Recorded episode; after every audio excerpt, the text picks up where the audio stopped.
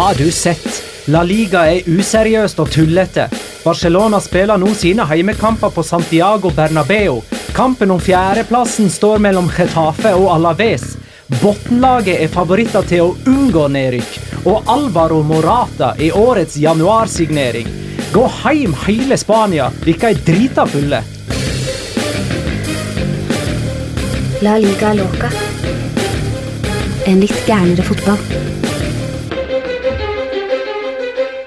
Ja, ja, ja, ja, ja. La Liga Loca episode 65 av det ordinære slaget ruller og går i dine varme ører, kjære lytter. Med meg, eh, Jonas Giæver. jeg vet ikke hvorfor jeg får feil hele tiden når, eh, jeg skal introdusere Jonas, som eh, enten ikke er her, eller så introduserer jeg han som meg sjøl. Jeg heter Magna Kvalvik. Eh, hei. Jonas Giæver, hei. Det er meg. Hei. Hei. Og Petter Wæland, hei. Det er meg. Hei. Hei. Eh, ja, hva um, Vil du smalltalke litt, eller? Nå skal vi prøve å småtalke. Ja. Jeg har vondt i ryggen. Det er jeg også. Har du det? Har du òg? Ja, Har du løfta for mye nå? det er helt riktig. Men uh, hvordan var helga, da, Petter? Hva syns du uh, Grand Prix-vinneren ligner vel mye på det finske bidraget Monsters for et par år siden, eller? Ja, jeg satt akkurat og tenkte på det samme sjøl. Du gjorde det, ja. Eh, nei. Det ligner veldig på den og, og Sami Edna fra 1981. Fordi det var bitte litt joik? Prikk lik. Prikk lik joiking? Den er ikke helt enig. Er det joiking eller jodling? Joiking? Joiking. Ja. Jodling er, forskjell, det, egentlig. det, er, det er vel det som er i Østerrike, er det ikke det? ja. Jodle, Jodling er sånn alpevariant av det. Ja, ja, ja. Sånn det... Nei, men var det kjekt i Spektrum, da? Ja, det, det, var, det var bedre enn hva jeg så for meg. For jeg så jo for meg det verste. Eh, Det var ikke så ille. Det, var ikke så ille som det verste. Nei, og, og samtidig så er jeg litt uenig med meg sjøl om jeg faktisk var heldig som gikk glipp av dette El Clasicoet når jeg først skulle gå glipp av et.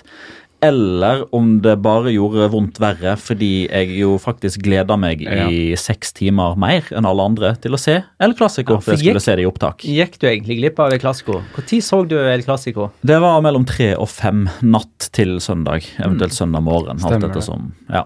Eh, Så men- du den på natta der, altså? Ja.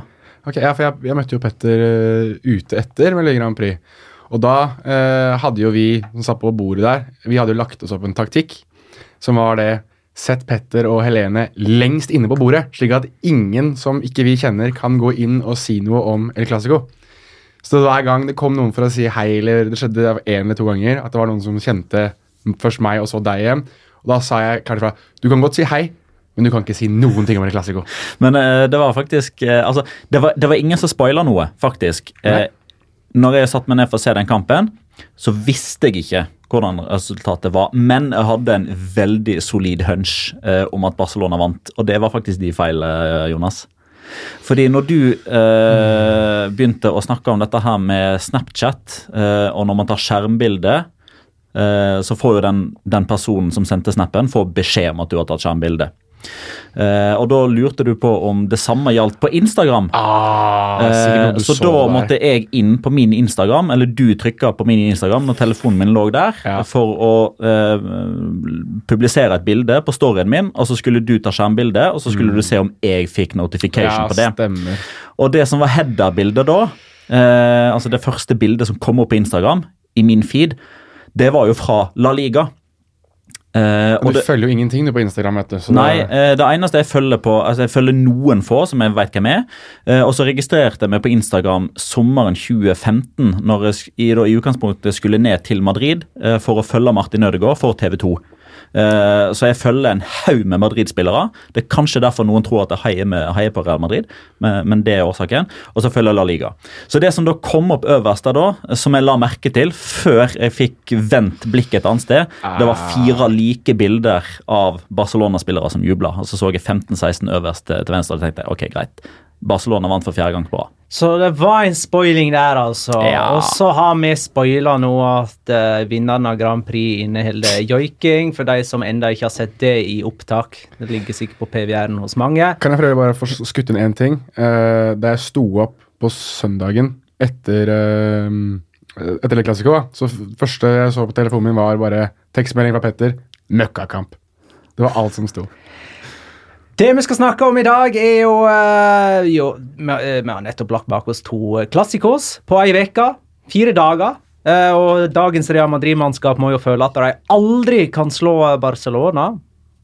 Kanskje kan de unngå den store flausa i Champions League mot Ajax, i det minste. Det kan bli tøft nok. Morata stanga inn to mål for Atletico og ser ut til å gi Atletico en ny dimensjon i angrepet. Og kampen om fjerdeplassen og kampen om mot nedrykk framstår egentlig som en spøk, eh, begge deler. Vi kan begynne med El Clásico. Det er vel naturlig, det. Eh, det kan vi. Altså, to El Clásicos på fire dager. 0-3 ble det først i Copa del Rey semifinalen. To mål av Suárez, sjølmål av Baran. 0-1 ble det i ligaoppgjøret lørdag med skåring av eh, Rakitic. Fire El Clásico denne sesongen. Tre seire til Barcelona, én uavgjort. 10-2 i målforskjell favør Barcelona. Eh, Det er jo en del skåringer, men likevel har jeg lyst til å ta La Leo Låka 03 sitt spørsmål eh, først, eller hans oppfordring er det vel. Snakk om forsvaret til Barcelona. De har vært solide den Ja. siste tiden. Piquet, Langlet, Ter Stegen. Holdt nullen borte mot Lyon, to ganger mot Real Madrid, borte mot Atletic. Ja, så nevner han Valladolid òg. Det syns jeg ikke er en så stor bragd, men likevel, da. Jeg må få lov til å nevne det. Det er jo eh, selvfølgelig en sånn, eh, som man sier på engelsk, a notch in your belt. Det er jo da et engelsk begrep som jeg ikke har brukt på en stund, og Petter smiler og ler. Ja, Det tok ikke lang tid Nei, det, før det det. første engelske uttrykket kom. Jeg har, vært Men, borte, jeg har vært borte en uke, vet du, så nå må jeg bare få inn alle mens jeg kan. Sammenligna med fjoråret, der jeg røyk eh, i Roma, Ja. så er det kanskje den der eh, oppstrammingen der bak som kan utgjøre den store forskjellen når eh, de nå går for trippel. Ja, um, men så er det, det er jo to sider av samme sak. da, altså hvis du, hvis du sammenligner sånn totalt sett da, fra sesongstart og til nå, så er jo den defensive statistikken til Barcelona ganske mye dårligere enn kan den var forrige sesong. Men nå har de virkelig begynt å skru det til. Eh, og det tror jeg egentlig kommer litt som en konsekvens av det som skjedde i, i Roma. Eh, og jeg tror òg at det gjør at uh, akkurat nå så slipper jeg håper si, Valverde unna kritikk uh, fordi man har slått Real Madrid på bortebane to ganger og Sevilla fordi det har vært vanskelige kamper. Men hvis eh, altså vi, vi kjenner jo Barcelona-supporterne som kravstore, rettmessig kravstore, fordi de er vant til det de kommer fra med Guardiola og til dels Luis Henrique.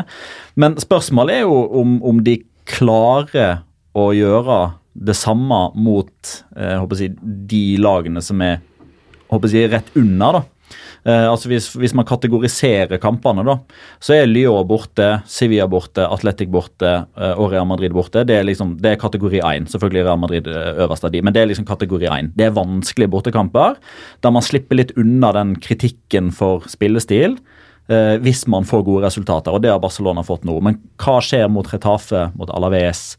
Mot eh, Spanjol, altså, Nå har jeg ikke terminlista i hodet, men, men når, det er, eh, når det da kommer en sånn bortekamp der man forventer som supporter at ja, nå skal vi bli underholdt litt igjen, hva skjer da? Klarer de den omstillinga der? Det er det jeg er litt usikker på. Ja, det er eh, aspektet med å gjøre det umulige mulig og det mulige stilfullt. ehm, som er eh, litt det lag som Real Madrid og Barcelona eh, kjempe mot. Men jeg synes, hvis jeg går litt tilbake til det han spurte om, han Leo Loca, sånn i, i essensen av det forsvarsspillet til Barcelona, så synes jeg det er veldig veldig interessant at uh, Samuel Omtiti er jo fortsatt skada, eller han spiller ikke. Men vi begynner nå virkelig å se verdien av, av Clement Longlet. At uh, han er en midtstopper som gjør ting på en sånn enkel og effektiv måte at du egentlig ikke alltid legger merke til ham.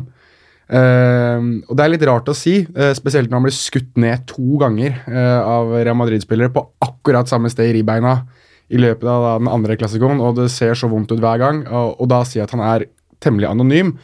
Men det er en sånn, nesten en sånn stille dominasjon fra de to, da, eh, Piquet og Longlet, som har begynt å utfylle hverandre enda mer, og Piquet som kanskje har tatt mer av den om-til-ti-rollen i å være den aggressive som presser ut, og så bare rensker Longlet opp rundt ham eh, nesten hele tiden. Og det er, eh, det er gøy å se, og så syns jeg det er eh, også veldig moro å se at eh, Longley har funnet tilbake til den storformen han hadde i, i Sevilla, som selvfølgelig gjorde at det, eh, det var flere klubber som ville ha ham. De var jo rimelig heldige, når sant skal sies, at de ikke slapp inn i det første El Clásico. Ble det jo tidvis rundspilt av én mann, eh, egentlig.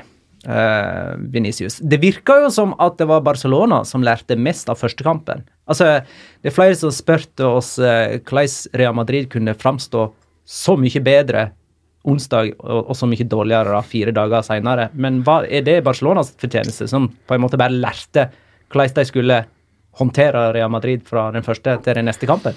Nei, Jeg tror begge de to lagene ble veldig forsiktige på hverandre. Jeg tror uh, Real Madrid Selvfølgelig Barcelona måtte jo lære mye av hvordan de skulle prøve å nøytralisere Venicius mest mulig, for det var han ballen gikk til i begge kampene hver eneste gang. og det eneste Barcelona egentlig gjorde av ren effekt, var å sette to mann, altså én i første press og én rett bak. Så hver gang Venicius kom seg forbi, så var det en som smalt rett inn i ham. Uh, Venicius fikk aldri muligheten til å det var ikke så veldig mange muligheter å isolere bekken. Uh, jeg synes, men jeg synes at den første omgangen uh, av da kan vi kalle det Classico 2, eller La Liga i Classicoen, var mer en stillingskrig med to lag som uh, visste hverandres styrker og egentlig også visste hverandres svakheter, men det var det at du hadde mer lyst til å ikke tape enn å vinne. Det syns jeg kom veldig klart fram i første omgangen. Ja, og så var det jo det var jo to kamper med, med 72 timers mellomrom. Eh, ikke så veldig mye tid til å liksom, tenke ut de store taktiske endringene. Eh, og det var jo bare altså 20 av 22 starta begge kampene.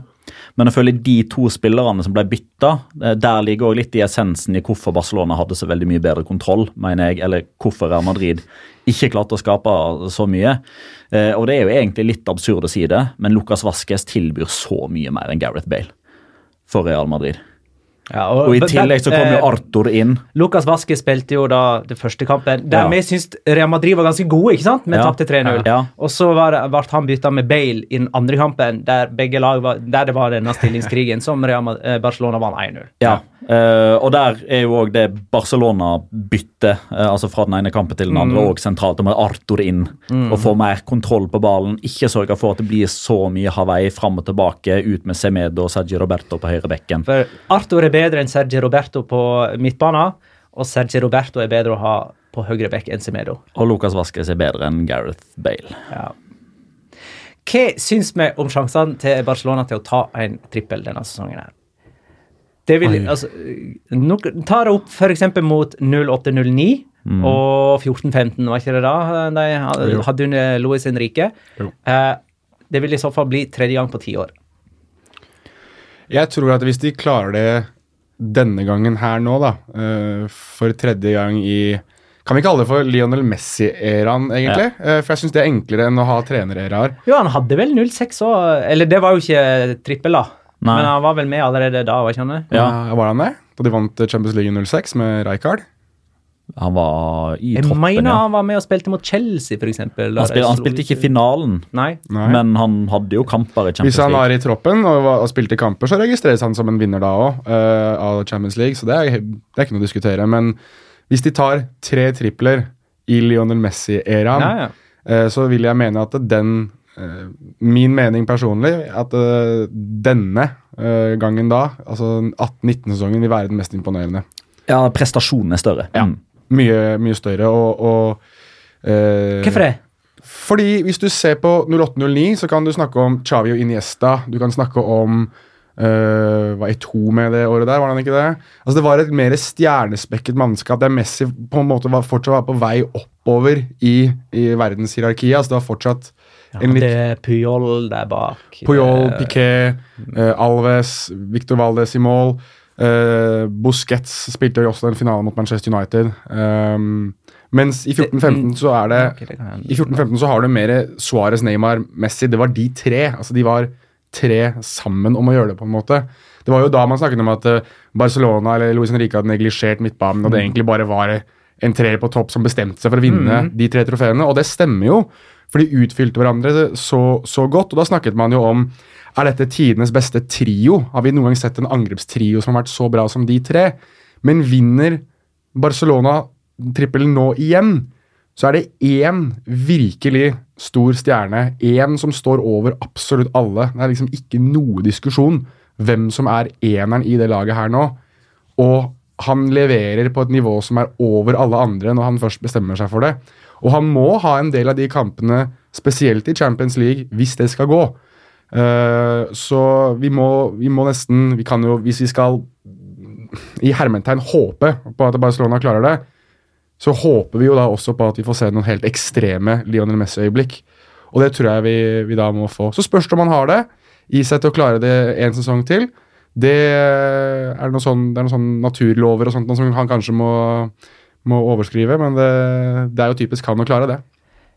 Eh, hvis vi peiler over på Real Madrid, da, Håkon S. Wæler spør basert på overtaket Barcelona har hatt på El i El Clásico de siste årene, tror dere det begynner å bli en sånn psykisk greie for Real Madrid-spillere som kan bli avgjørende hvis det f.eks. møtes i Champions League? Altså at Real Madrid nå føler at det, Ja. det går ikke an å slå Barcelona samme faen hva vi gjør. Ja, jeg tror det. Vi taper uansett. Så, så, Altså, den- så viktig som de mentale greiene der er. Og så får du det opphøyd i 3412 med all den pressedekninga som er, der eh, Sport og Mondo Deportivo er veldig på å fortelle Barcelona-spillerne hvor gode de er og hvor bra dette skal gå, mens Marca og AS er mer i sånn krisestemning og fyrer opp under problemene som ligger i, i, i, i stemninga i laget, og at de og de er ute av form, og han og han får ikke spille. og Uansett hvordan de spiller, så er det Barcelona som vinner uansett. Så, er det Morbo, Petter?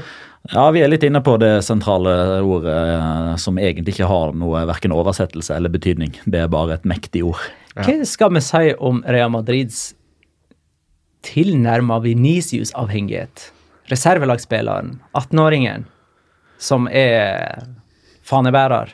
Det oppsummerer et ekstremt dårlig kollektiv.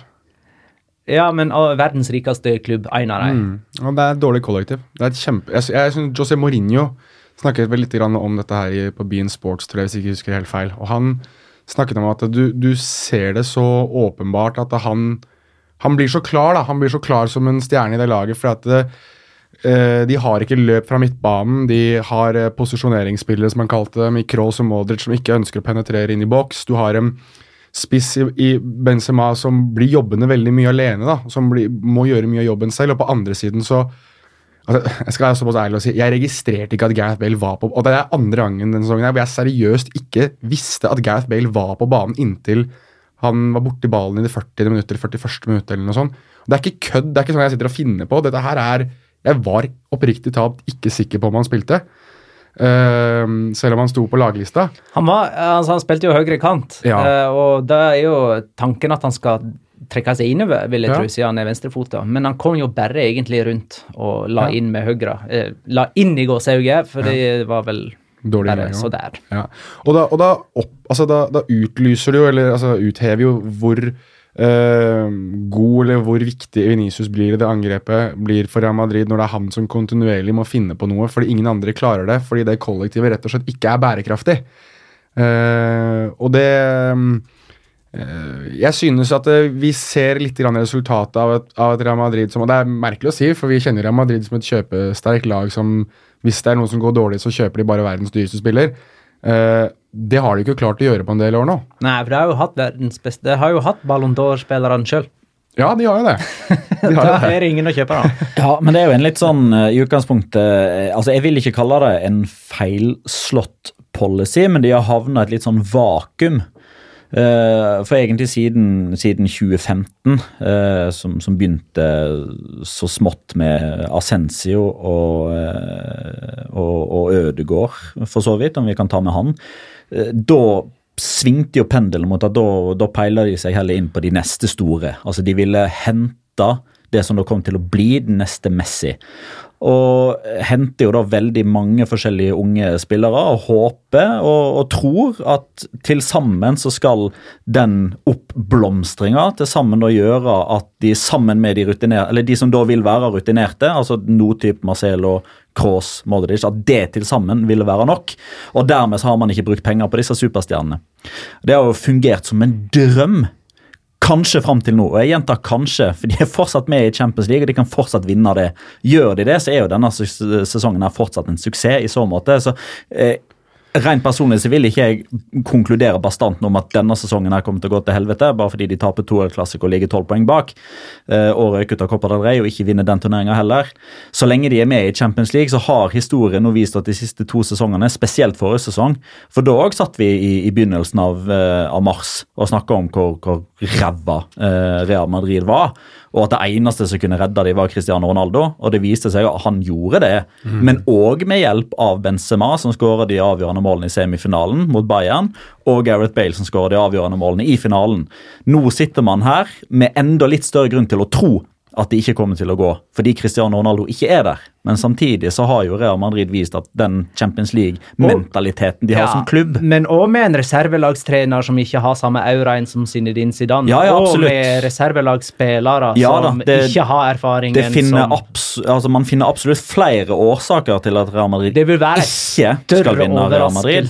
Ja, det, det, det, det er flere argumenter mot enn for Real Madrid som Champions League-vinner. Men med historien i mente. Ja da. Jeg synes den policyen, bare for å ha skutt inn det Petter eh, opphøyde den litt, han synes den var bra, denne policyen til Real Madrid. Men når du ser på den nå, da, den policyen om å hente den neste Messi, den neste superstjernen Det er fem navn som på en måte uh, utkrystalliserer seg som de de hentet. Det var Ødegaard, som er utlånt til nederlandsk fotball og ikke har fått noe særlig spilletid i La Liga. Jesus Vallejo, som ikke har fungert. Marco Ascencio, som Vi vet ikke helt hvor verden ligger med han. Sergio Diaz, for de som husker han, paraguayanske superstjernen som uh, mange, i hvert fall i Latin-Amerika, var sikre på at dette her er den neste uh, Sergio Aguero. Vi har ikke hørt noe, særlig, hørt noe særlig mer om det, har vi det?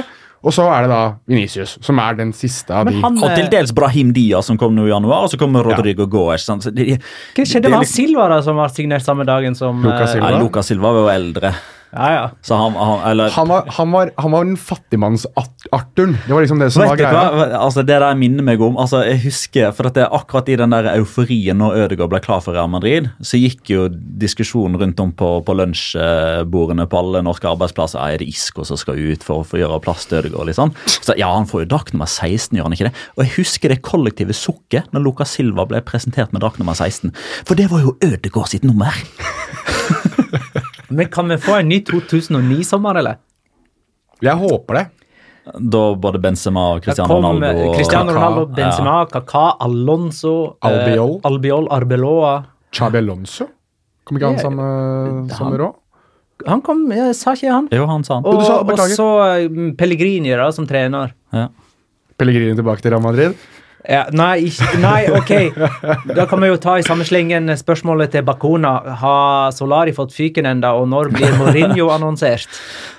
Mourinho var jo ute og uh, flørta litt med tanken. ja, han har allerede, Jonas har jo allerede tatt uh, Mourinho-sitatet fra var det Bean Sport han var, var i.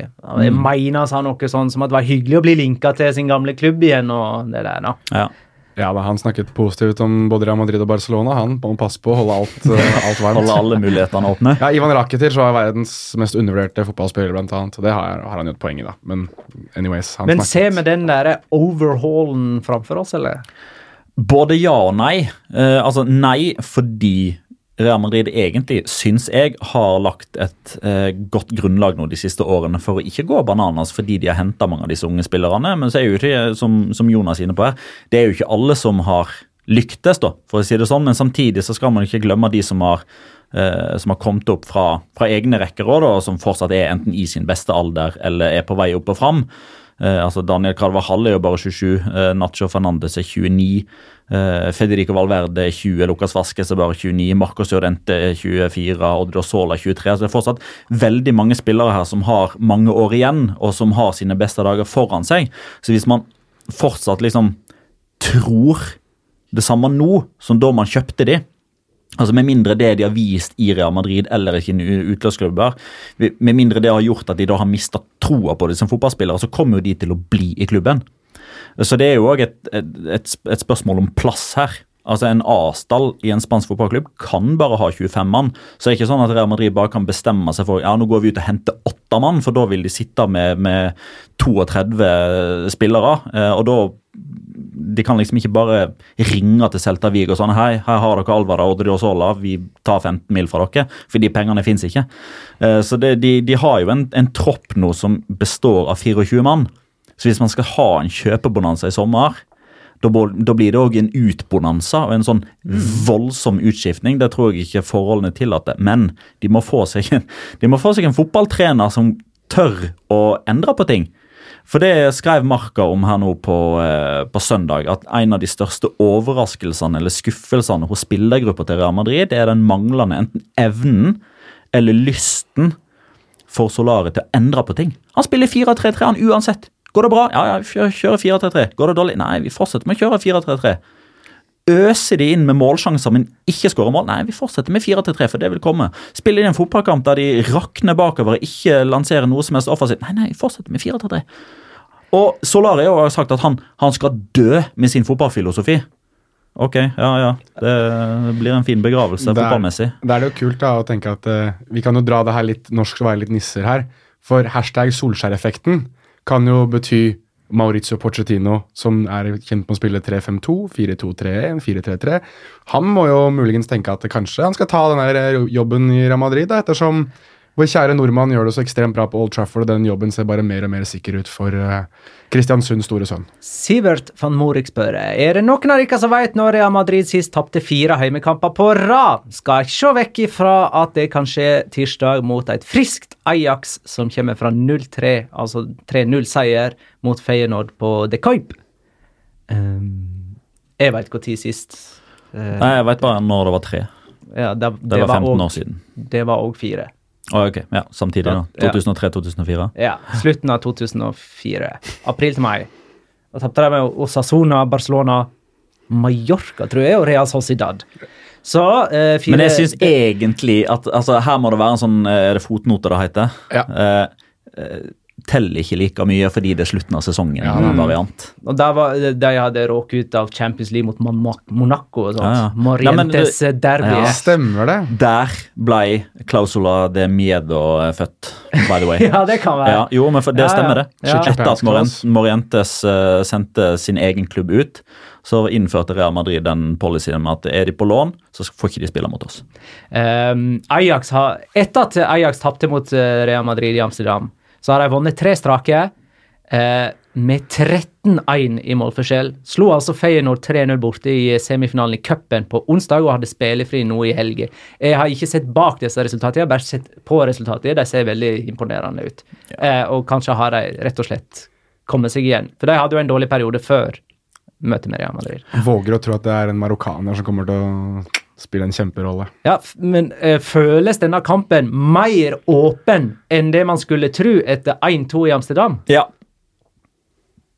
Ja, G- G- Jonas, du, du kan ikke gi oss visuelle tilbakemeldinger på radio. Jeg bare smiler, jeg, for jeg, jeg, jeg sitter med en sånn godfølelse av at uh, Hakim Siers kommer til å være helt for han, han blir så god i sånne store kamper hvor han må bevise noe. Han var jo veldig veldig nære en overgang sist sommer. Eh, vi snakket jo om det, Petter, på vår rundtur i Europa. Der hadde han jo drakt nummer ti forrige sesong, og så hadde han gitt vekk Eller han måtte gi det vekk til Dusan Tadic, fordi det sto i kontrakten til Tadic som kom sist eh, sommer, at han skulle ha nummer ti, men det var egentlig greit, fordi Siers skulle jo selges uansett.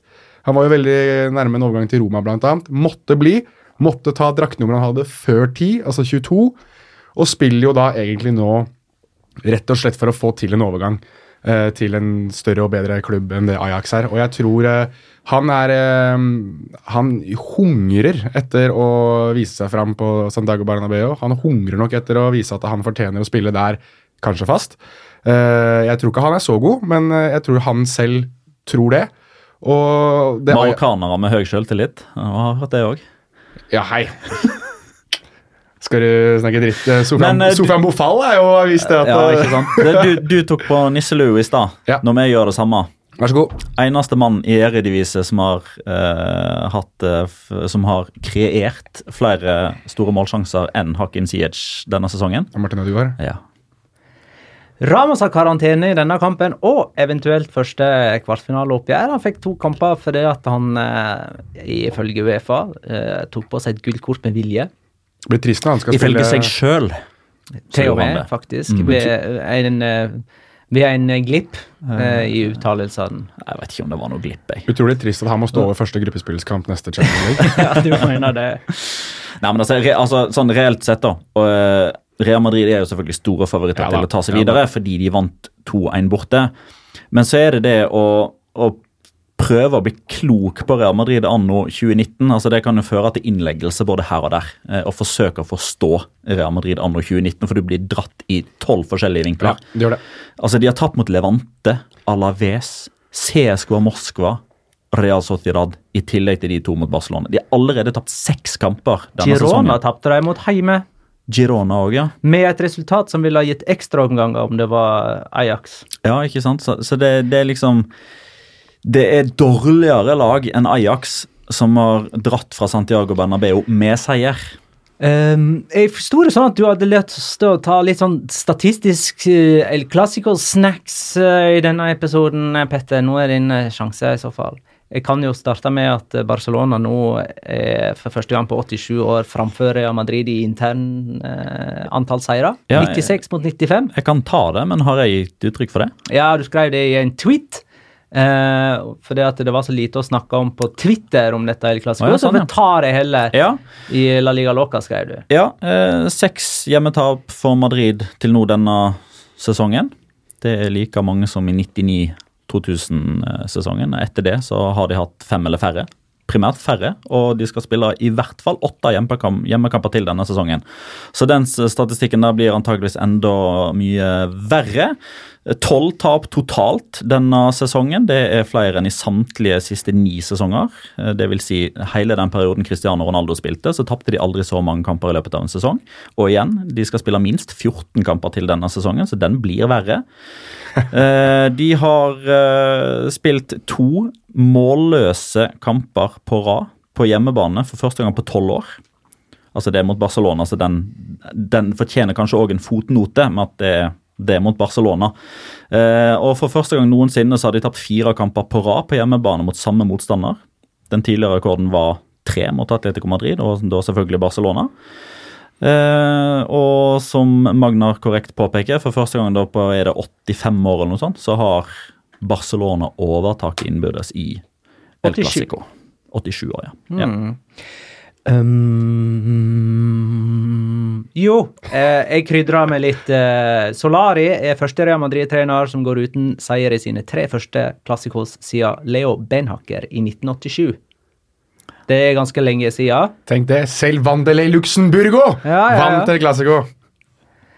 Og Barcelona er det første laget i historien i alle turneringer som vinner tre strake på Santiago Bernabeu. Og de er i sin sjette Copa del Rey-finale. Det er òg ny rekord. De kan- Barcelona, ja. Ja, og de kan vinne eh, Copa del Rey for femte gang på rad. Det vil òg være rekord. ja. Eh, og hva skal vi vite?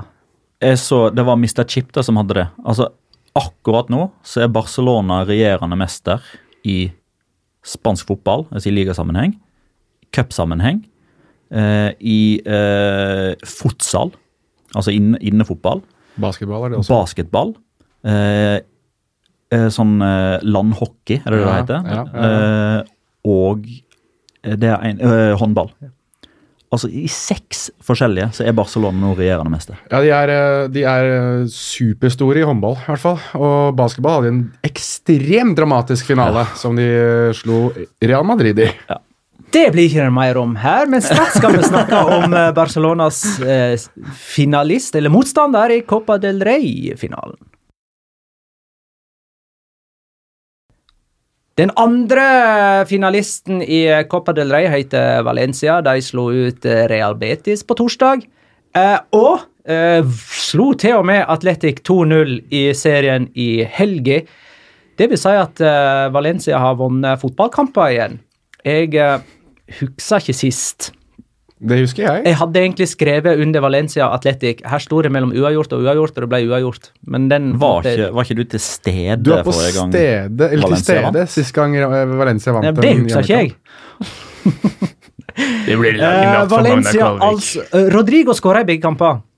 blir bra. Han ble matchvinner mot Real Betis og hadde jo ei perle mot eh, Atletic nå.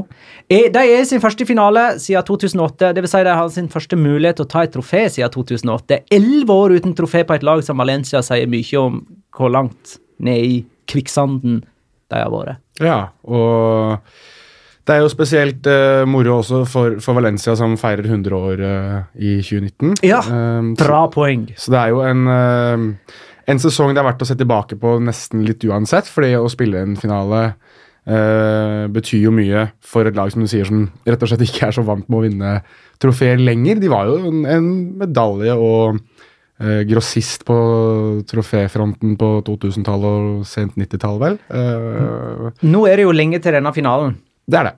Eh, men de spilte jo 2-2 mot Barcelona på Kamp Nou. Ja. Leda 2-0 på et Ja, ja, ja, tidspunkt. Ja, de har vel ikke møttes på Mestalla ennå, sant? Det skal de, Jo, det ble 1-1 i første var det helt tilbake i september og sånt? det? ja, oktober. Og 6. tidligere. Dette oktober eller noe sånt. Hjelp meg nå. Hvem var det som 1-1. skåra? Hvem som skåra? Uh, Det må de- jo ha vært Messi.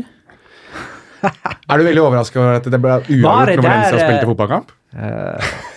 Var det der Garay skåra på en Ja. Ja, Han stemmer det. skåra jo med en gang, etter to Ja, minutter, eller noe sånt, han, og så utligna Messi etter Sånn var det. Så ja, uavgjort, uavgjort i begge oppgjør. Så uh, altså, Valencia er Valencia er altså eh, De vinner Copa del Rey på bortemål, de.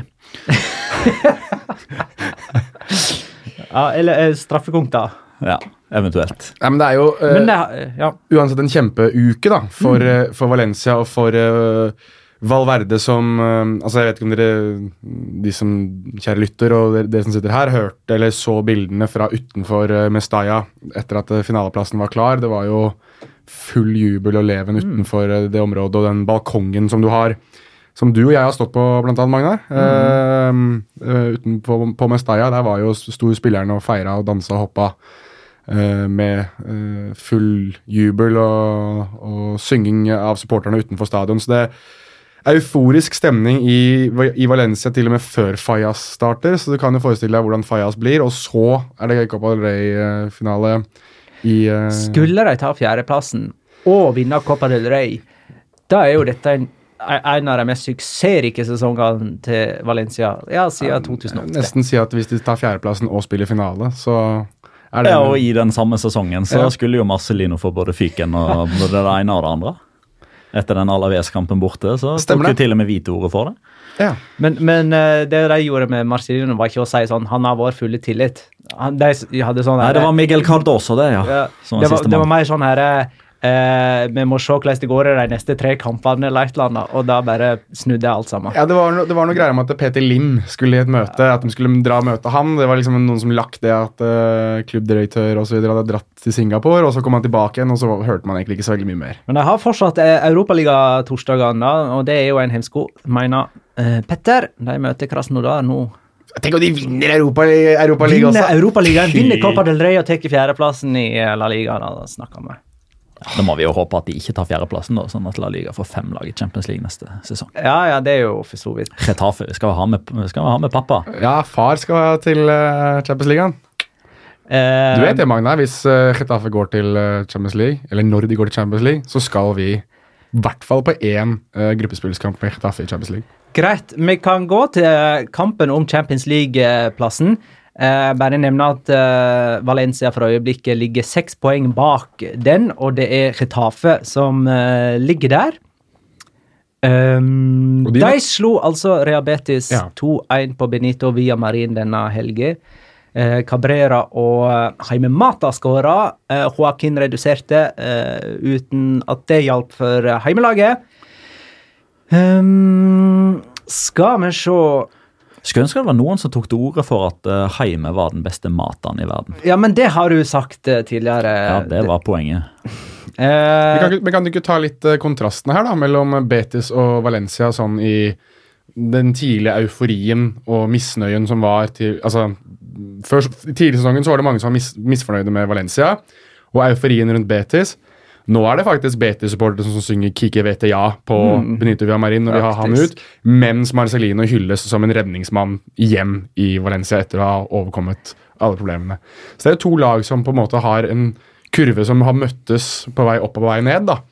Um, og jeg synes uh, Nå husker jeg ikke helt den som skrev det på på Twitter, det irriterer meg litt, men det var en som skrev at det, det er de samme problemene hele tiden med Kikkiset igjen. At det er fokus på å holde på ball. Forsvarsspillerne skal høyt i banen og bruke ball, og så mister du egentlig fokus på det forsvarsspillet. I tillegg til at i angrepsspillet så mangler de en spiss, som jeg har snakket om opp ned i mente, og dere snakket om det siste uke med Tobias. Um, og det har blitt enkelt å stoppe Betis. Og vi, vi snakket også litt om det i helga, ja, Petter. Litt dette med spillestil i Spania. Og du ser, ser det igjen da, med et Retaffe som er direkte, som er offensive, som tør å slå mye innlegg, som lager unnskyld uttrykket, men et rent faenskap for motstanderne sine inne i boksen deres, og skårer to mål.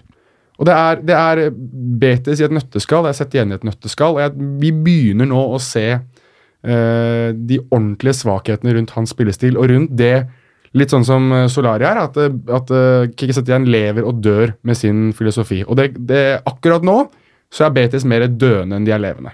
Men kan, uh, Skal vi peile oss over på Retafe snart? Ja, vi kan godt gjøre det, men bare i forlengelsen av det. Uh, vatt opp uh, La Liga-tabellen. Sjekk topp ti. Ja, det kan jeg gjøre. Hva for noen tre lag er det som ikke skal være der på topp ti? Retaffe, tipper jeg. Det er vel en av dem. Ja. Alaves. Alaves. Ja. Uh, og siste laget er Levante eller noe sånt, kanskje? Nei, de er ikke der. Eibar. Ja. Ok, ja. Og de tre lagene er nøyaktig det du snakker om. Ja, det er, Retafe, Alaves, Eibar. Spiller så langt unna den der tiki-taka-fotballen som litt for mange tror er det eneste som liksom er, er verdt noe i Spania. ja. Mm. Svein Arne spør er dere like imponert som meg over det Chetaffe presterer. Hva er suksessfaktoren? Suksessfaktoren har dere kanskje allerede vært inne på, men eh, er vi egentlig så imponert? Jeg er ikke så imponert. Jeg syns den plassen der har blitt tildelt Chetaffe av fomlende storklubber. Men det er jo til kreditt for Nå snakket jeg om det for et par episoder siden.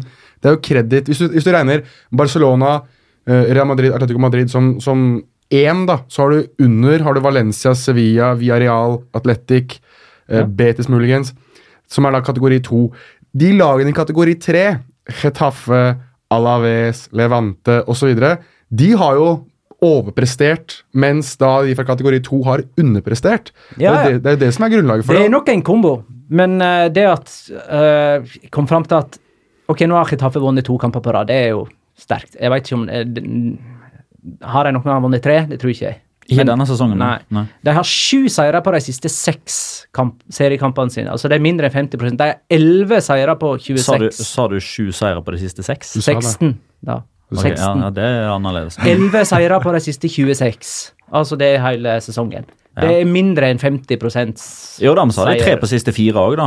Og det er jo en grunn til at altså, det, men- altså, Jo, men grunn, grunnen til at jeg er, er imponert, og det er jeg oppriktig, det er at det er, det er nå de skal falle av. Sånn egentlig. Nå de siste tre Altså, historien viser at disse overraskelseslagene Akkurat når vi bikker halvspilt, de første tre-fire rundene etter det, da bikker det. Som regel. Ja. Snarere tvert imot nå så har Retafe økt poengsnittet. Ja, ja, ja. ja Det kan jo, kan jo selvfølgelig hende at ok, på de neste tre så vinner de ikke, og så er man liksom tilbake til at de er A-poeng med både Sevilla, Betis og alt sånt. Men jeg syns det som først og fremst gjør det eh, imponerende i mine øyne, selvfølgelig med den eh, igjen, fotnoten, som Magnar er inne på, at de er der, og kanskje på lånt tid, og pga. at lag som Sevilla og Valencia først og fremst, og, og Villarreal, og kanskje kan vi òg ta med Celta Vigo, underpresterer veldig. Det er de som burde ha vært der. Eh, Forrige sesong, etter 26 uh, serierunder, så måtte du ha 50 poeng for å være nummer fire. Retafa har 42.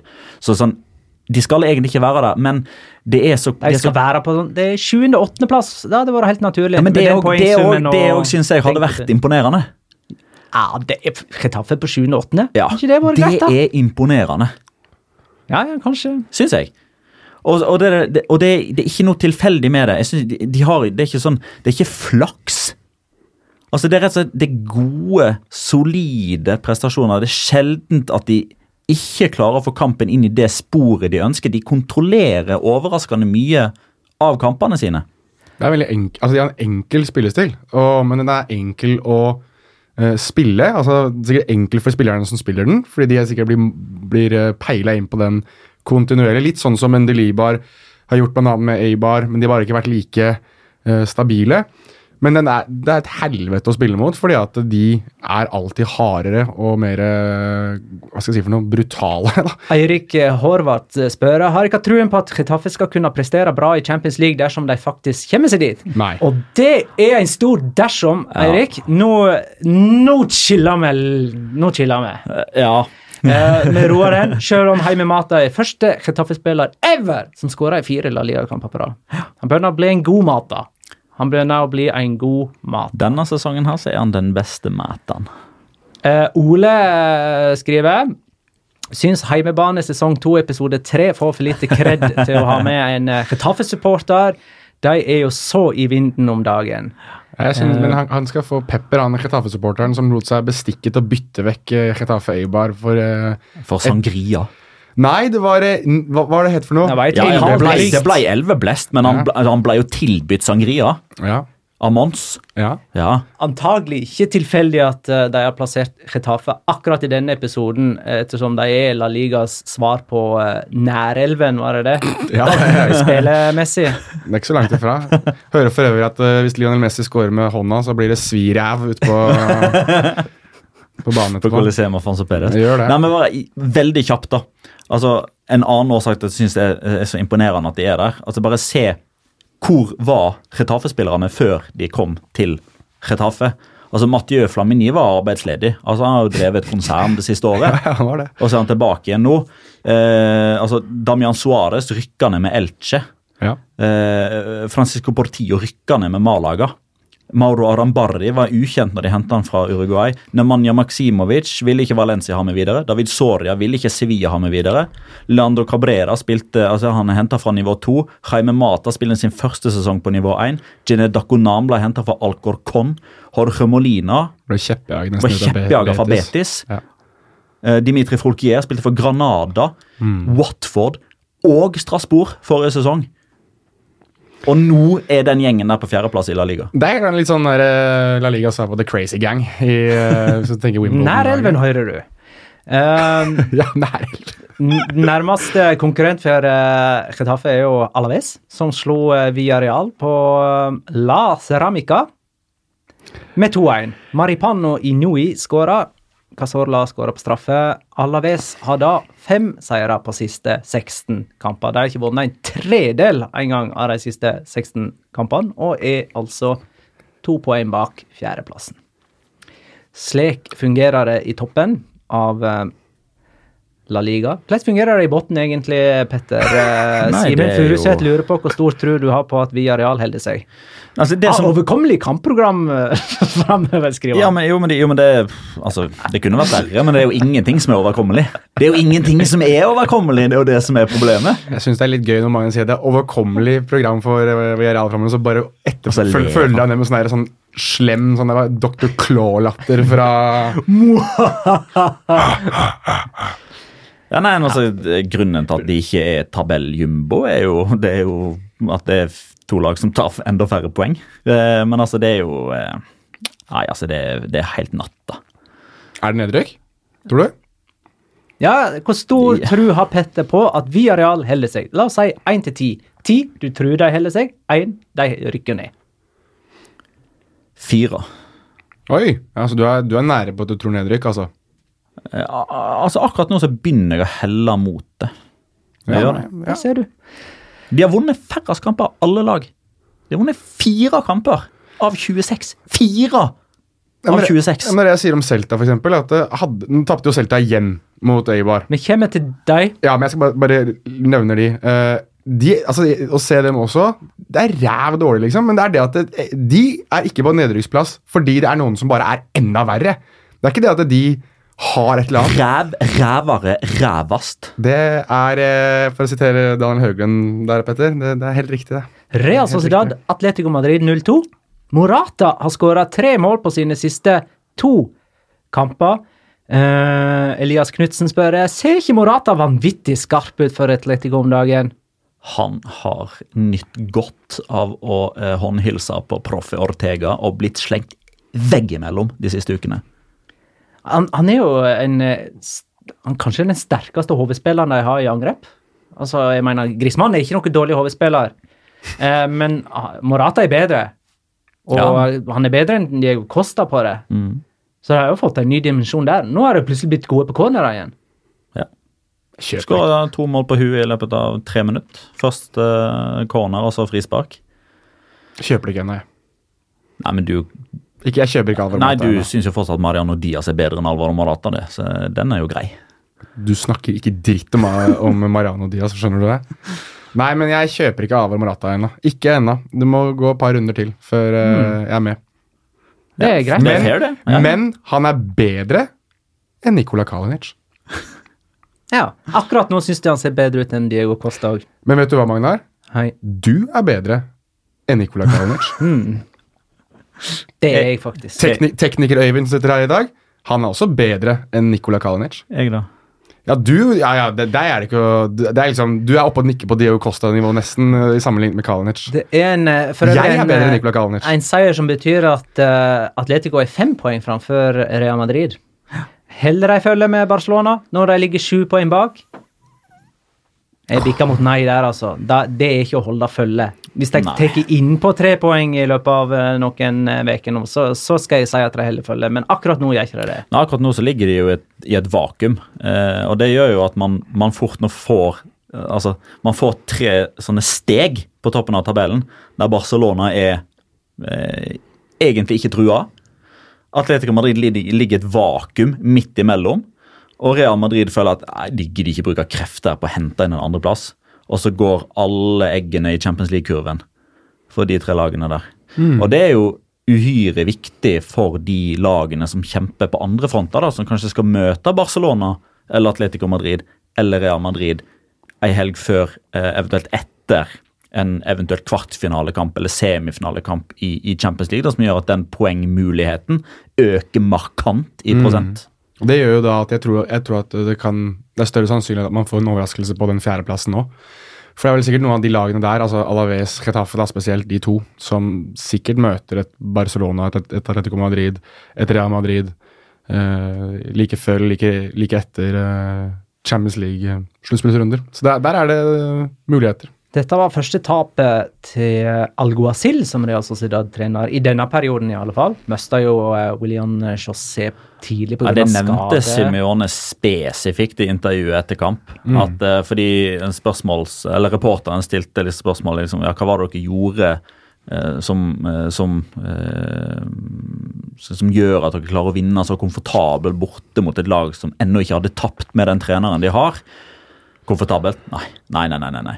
Fram til William José gikk ut, så sleit vi ordentlig, sa han. Det, det, jeg tror kanskje det aller første gang i hvert fall som jeg har registrert at Simione name-dropper en motstander Ja, for hvis, på han, den måten der. hvis han ikke får det servert på en måte, ja. Ja. det er jeg enig med deg. Han har jo name-droppa andre, men ikke på den måten. Atletico Norvega skriver Kan de kan nevne for oss at vi har oppretta ei nettside, atleticomadrid.no. Den Kult! Kult. Er det at Lik og eh, del. Er det at Atletico Norvega på Twitter, eksempel? At, at, eh, at Madrid. dot- Nei. Prøv igjen.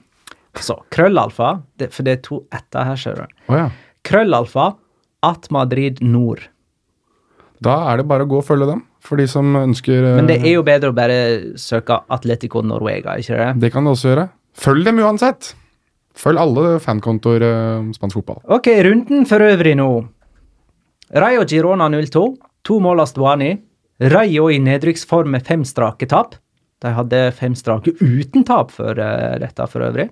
Nå har de møtt uh, veggen, ser det ut. til. det blir jo faktisk begynt å, nå har man begynt å kviskre høyt om at Mitchell sitter utrygt. Hæ? Ja, det gjorde de en gang tidligere òg. Da ga uh, Rayo-fansen ettertrykkelig beskjed om at det kommer ikke til å bli aktuelt. Vi Og- rykker heller ned med Mitchell Ja. enn å holde oss uten. Vi rykker i hvert fall ned med Abdullaye Ba i forsvaret sitt, tror jeg. Uh, Mitchell er Rayos svar på Baskar Policy. ja, han er, en- altså, ja, han er nesten det, altså. Jeg, jeg lurer på om det var, det var etter hjemmetapet mot Retafe, jeg tror jeg. Spørsmål til Nå setter jeg deg litt på on the spot, men eh, er det, en, er det klart hvem, hvilken spiller som har fått flest røde kort i løpet av en og samme sesong i La Liga? Er det noen som kan det i hodet? Jeg tipper det er han som hadde den der La Liga-rekorden i antall utvisninger før Sergio Damos. Han som spilte for Saragossa. Arroyo eller noe sånt? nå? Um, Jeg prøvde å søke det opp i dag, skjønner du. Jeg bare lurer på om Abdullaye Ba kan ligge og snuse på denne snart. han er jo en av fire som har blitt utvist to ganger denne sesongen. Fun, eh, Bernardo også. Ja. mm, litt funny Ja. statistikk fra Oppda. Eh, Christian Stuani er toppskårer blant alle som ikke har en eneste målgivende i La Liga. Ah, Han er nummer to eh, i, på, i topp fem-serien bak Pjontek. Han er Genoa Milan-spilleren. Krzysztof Piontek. Kul spiller. Espanol Valladolid 3-1.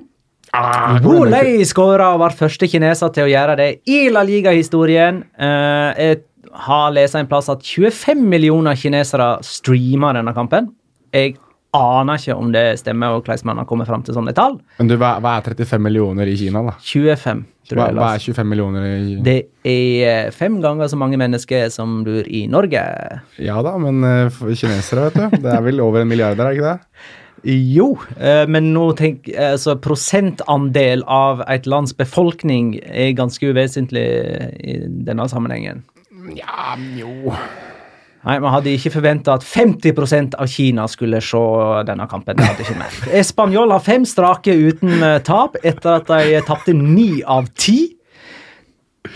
Det ser ut som Robi, treneren til Spanjol, har bestått den, eller liksom klart å komme seg ut av den tunge perioden som på en måte er eh, noe av den største testen en, en trener kan Vi hadde jo et gjennom. håp om at de skulle eh, surre seg inn i næringsstriden, sånn at uh, spådommen vår skulle gå inn. Ja. Eibar Celta Vigo 1-0. Miguel Cardoso er ferdig som Celta Vigo-trener etter én seier på elleve kamper og kriseform. Celta Vigo er andre lag som gjør to trenerbytter etter Villarreal. De er fjerde sist framfor Villarreal, Rayo og Uesca, og det er stor fare for at Uesca går forbi. Selv til ansatt Javi Calleja, kanskje? Fran Escriba er nytilsett. Jeg tenkte at Ja, riktig. Hans forrige jobb var å bli sparka i Villarreal. Ja, det var der jeg Uh... Og før det så ble han sparka i Getafe, og før det så ble han sparka i Elche. Men eh, apropos eh, Cardoso.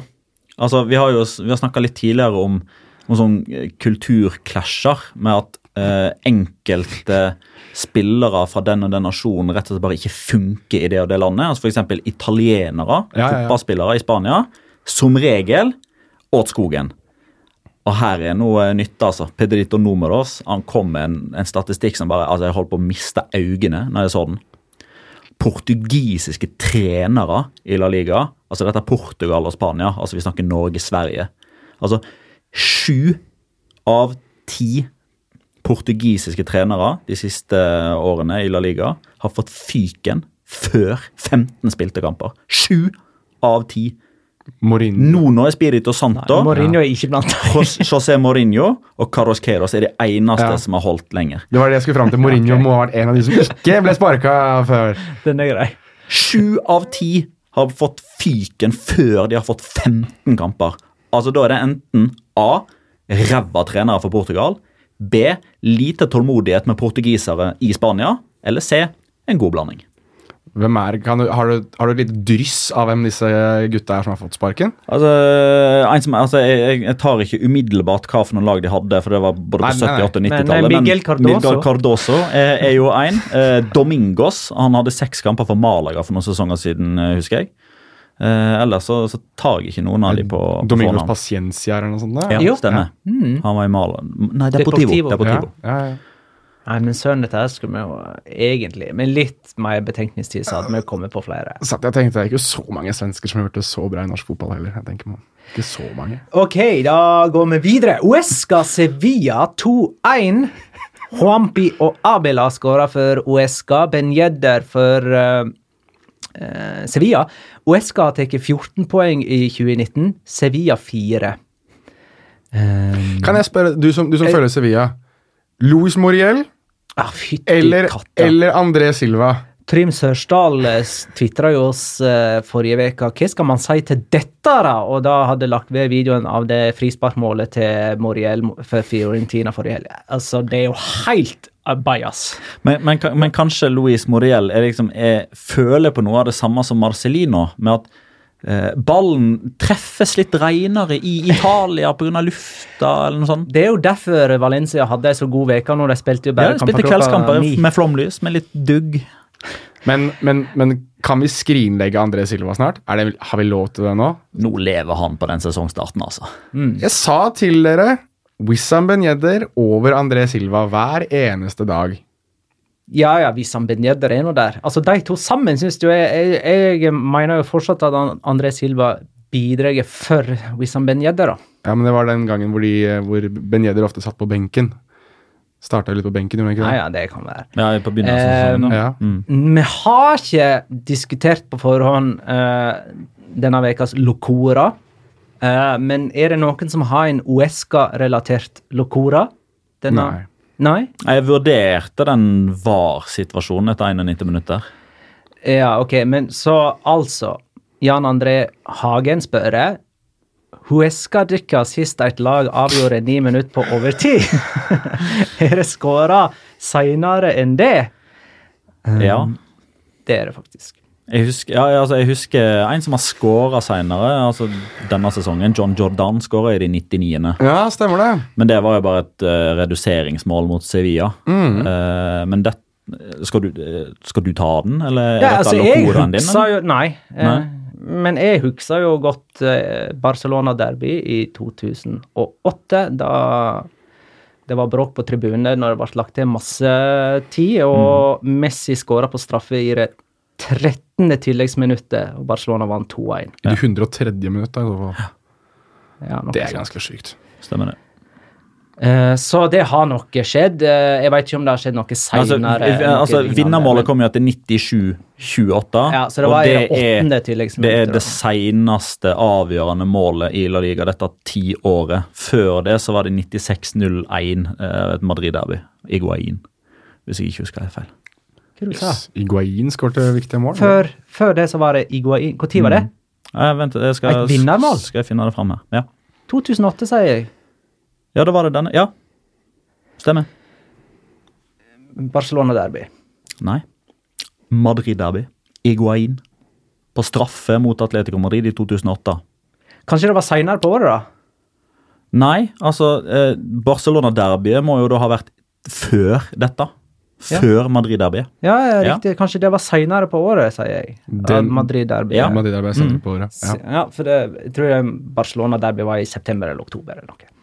Men uh, The Great Escape, er det Ja, ja, det, den er on. den, det, Nå er det on! Nå er det on, syns jeg. Ja, ja. Og Eska var 11 poeng fra trygg plass for halvannen måned siden. Nå er det tre poeng opp. Ja, men Vi, vi snakka om det her uh, for noen uker tilbake med at uh, man altså vanligvis så ser man uh, den samme mekanismen som, som slår inn når det er en klar tabelljumbo og januarvinduet er åpent. Og Da tar man rennafart og kaster ut de spillere man kan, og så hiver man i nye og håper at det skal gå bra. Det gikk ikke bra med Cordoba når de rykka ned og ble soleklar tabelljumbo. Granada og Malaga i fjor gjorde akkurat det samme. altså Det var jo fri flyt av spillere inn og ut porten siste dag av overgangsvinduet. Og Oesca gjorde det samme nå, men det funka fordi i hvert fall foreløpig. altså Enrik Gallego altså Cucho Anande starter jo ikke lenger. Nei, nei, det, og det er med rette, det. Eh, Javi Galan rett inn og har på mange måter vært årsaken til at de har endra systemet. og Gått fra fire mann bak til tre mann bak. Eh, Jangel Herrera gått Han rett er inn bra, sentralt på midten. Han er meget solid. Og Han er Juan. Bjarnjor som skåra 1-0 nå. Altså De fire bare rett inn og bidrar. Men, men Ja- Um, Herrera han synes jeg, han må vi følge litt uh, tett med på. Altså. Er, han, er sånn, han er litt sånn grisete, men han har uh, Jeg liker uh, å ha en sånn gris på laget, men han er veldig undervurdert med ballen nå. Gjør de riktige valgene hele tiden. Gjør ikke sånn kjempemye ut av seg med ballen i beina. Men han er, det, det gjør vondt å spille mot en sånn type, og det er undervurdert. Det er ekstremt undervurdert å ha en sånn type i laget. Grunnen til at dette var en, eh, en Locora-kandidat, var jo at uh, på stillingen 1-1 uh, i det siste spilleminuttet, ordinære minuttet, så skåra Sevilla, jubla Bajas og fikk målet godkjent inntil VAR fant en offside der på eh, Monir.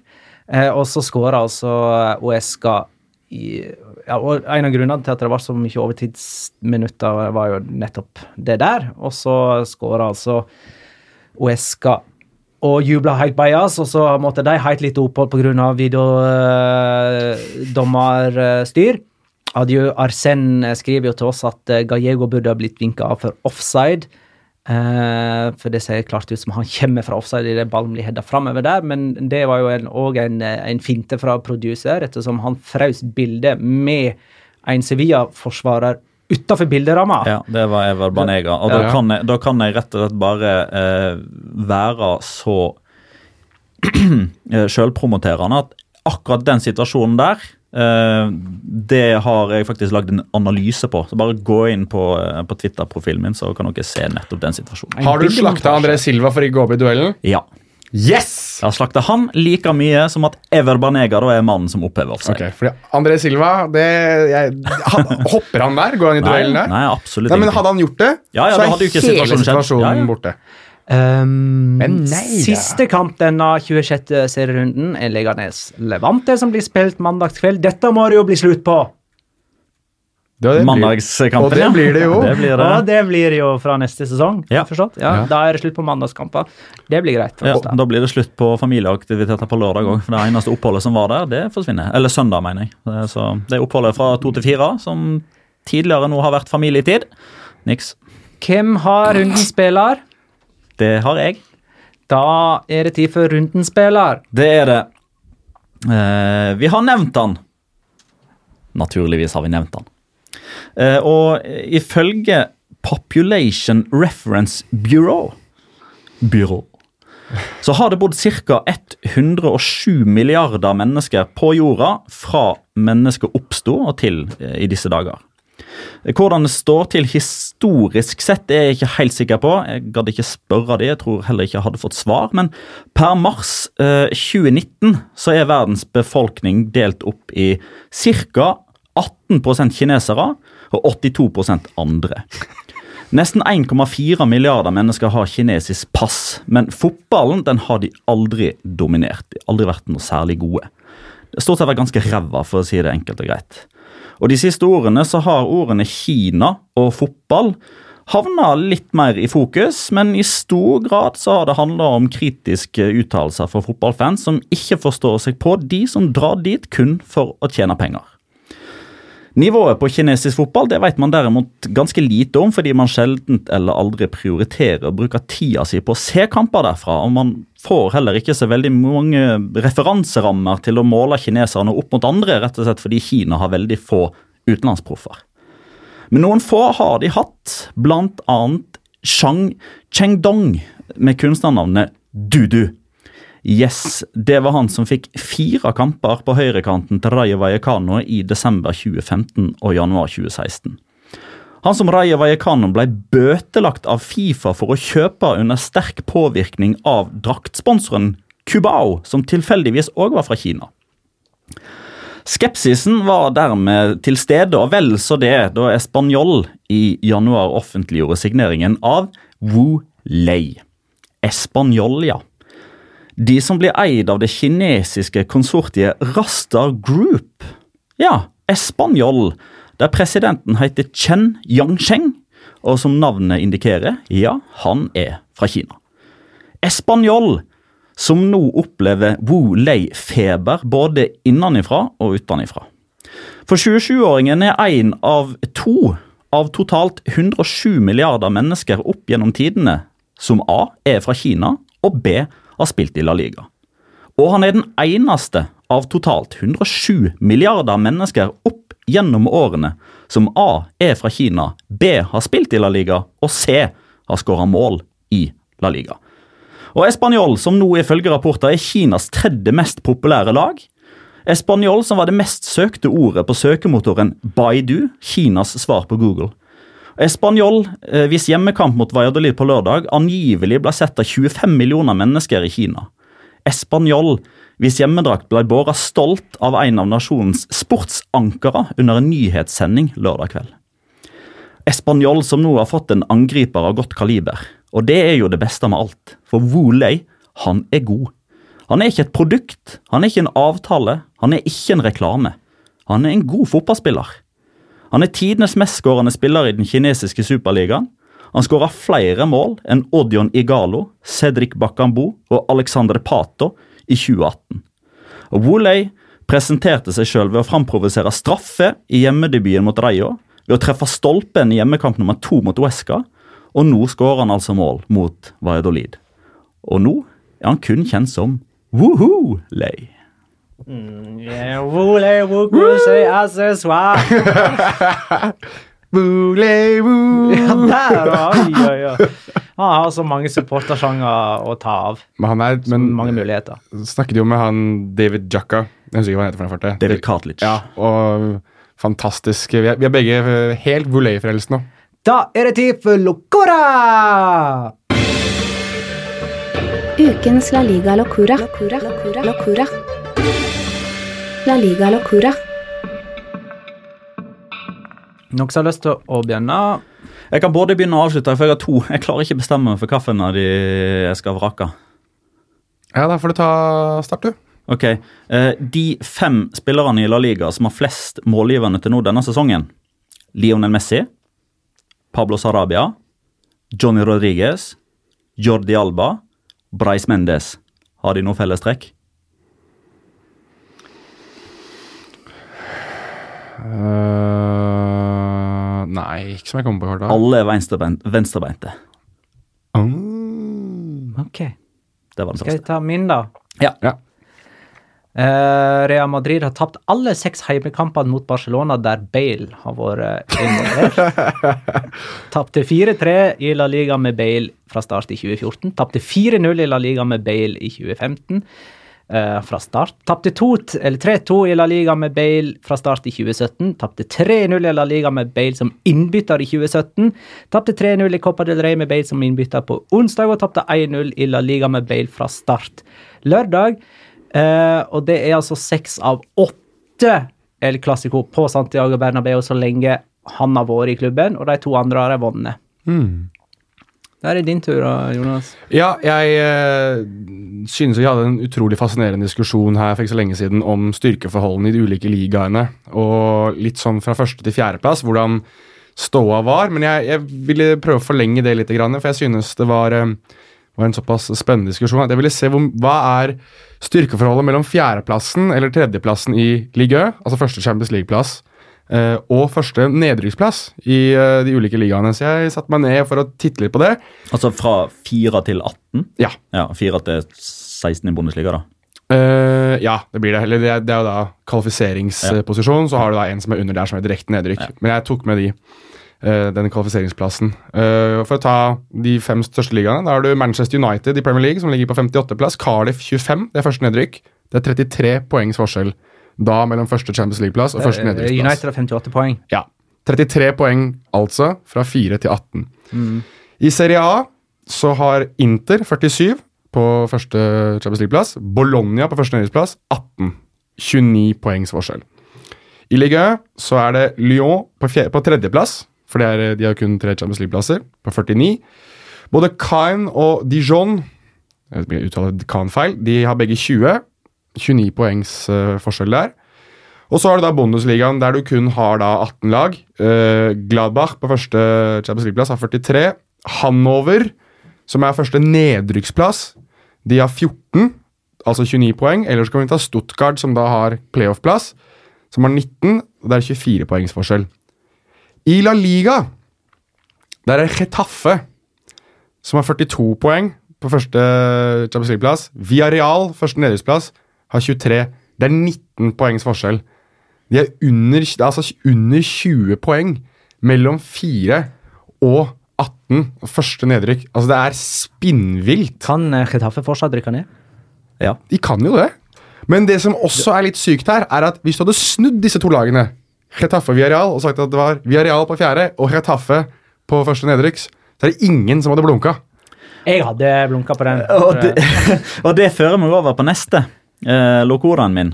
Eh, fordi altså, Viareal og Alaves eh, møttes jo denne eh, runden. og Jeg fikk et spørsmål på Twitter før kampen.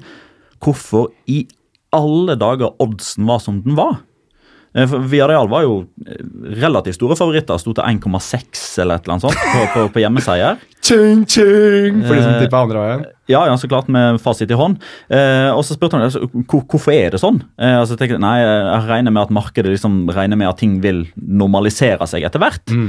eh, og så møttes jo Villarreal og Alaves. Alaves vant, og Alaves er da altså to poeng unna Champions League, mens eh, Villarreal er under streken, og de har skåra like mange mål.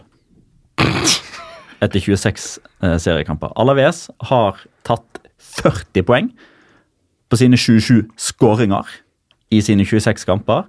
Villarreal 23 poeng på 27 mål etter 26 kamper. Da tror jeg at eh, vi er nødt til å tippe. Det som skjedde denne helgen, var at vi hadde tippa på El Clásico, altså La Liga Clásicoen. Petter tippa 2-2 med Benicio som første målskårer. Det gir null poeng. Jeg hadde 2-1 til Real Madrid med Casemiro som første målskårer. Det gir null poeng. Jonas, skråstrek Tobias, hadde 1-1 med Ramos som første målskårer. Det gir null poeng. Petter toppa med 14. Jeg har 13. Jonas har 9. Er Sevilla Real Sociedad vårt neste objekt? Høres sånn ut. Da kan du få begynne, Petter. 2-0 Sarabia. 2-0 Sarabia. Jeg har 0-1 Oyarzabal. 2-1. uh... Jeg kan si det for deg. André Silva. Du kjører ja, kjempejinx. Det er to grunner til hvorfor jeg gjør det. Nummer én er fordi at jeg må gjøre et eller annet nå for å komme meg litt opp eh, på denne tabellen. Ja, men det er jo helt feil. Du må, da må du ta det som er mest sannsynlig å gå inn. Du får ikke bonuspoeng for det, fordi du mener Ja, at det er ingen tok- usannsynlig. Ingen tok jo Wissam Ben Yedder. Ja, jeg kunne gjort det, men jeg eh, Og så er det den andre da, som er typisk. Når jeg sitter og slakter han i en episode, da scorer han jo selvfølgelig. ikke sant? Tusen takk for alle spørsmål og innspill, betraktninger. Eh, altså Hver gang jeg begynner med det der, så avbryter dere meg, for at det er et eller annet Nei, jeg har ikke så, sagt noen da ting. bare iTunes, bare- iTunes, iTunes, uh, rate, fem stjerner, kommenter, lik, del. Tusen takk for at du lytta, kjære lytter. Ha det, da.